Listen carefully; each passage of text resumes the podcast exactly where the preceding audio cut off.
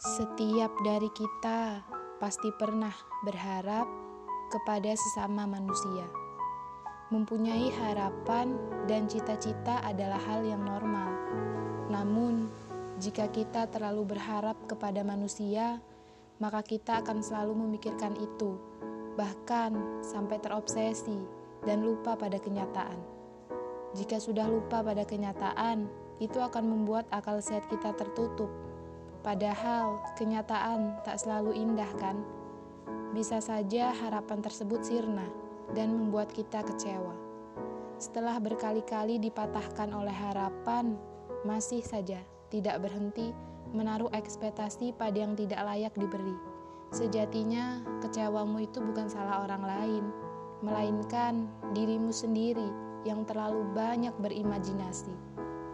Sadarilah, dunia itu mengecewakan jika sandaranmu ada pada manusia, bukan pada Sang Pencipta.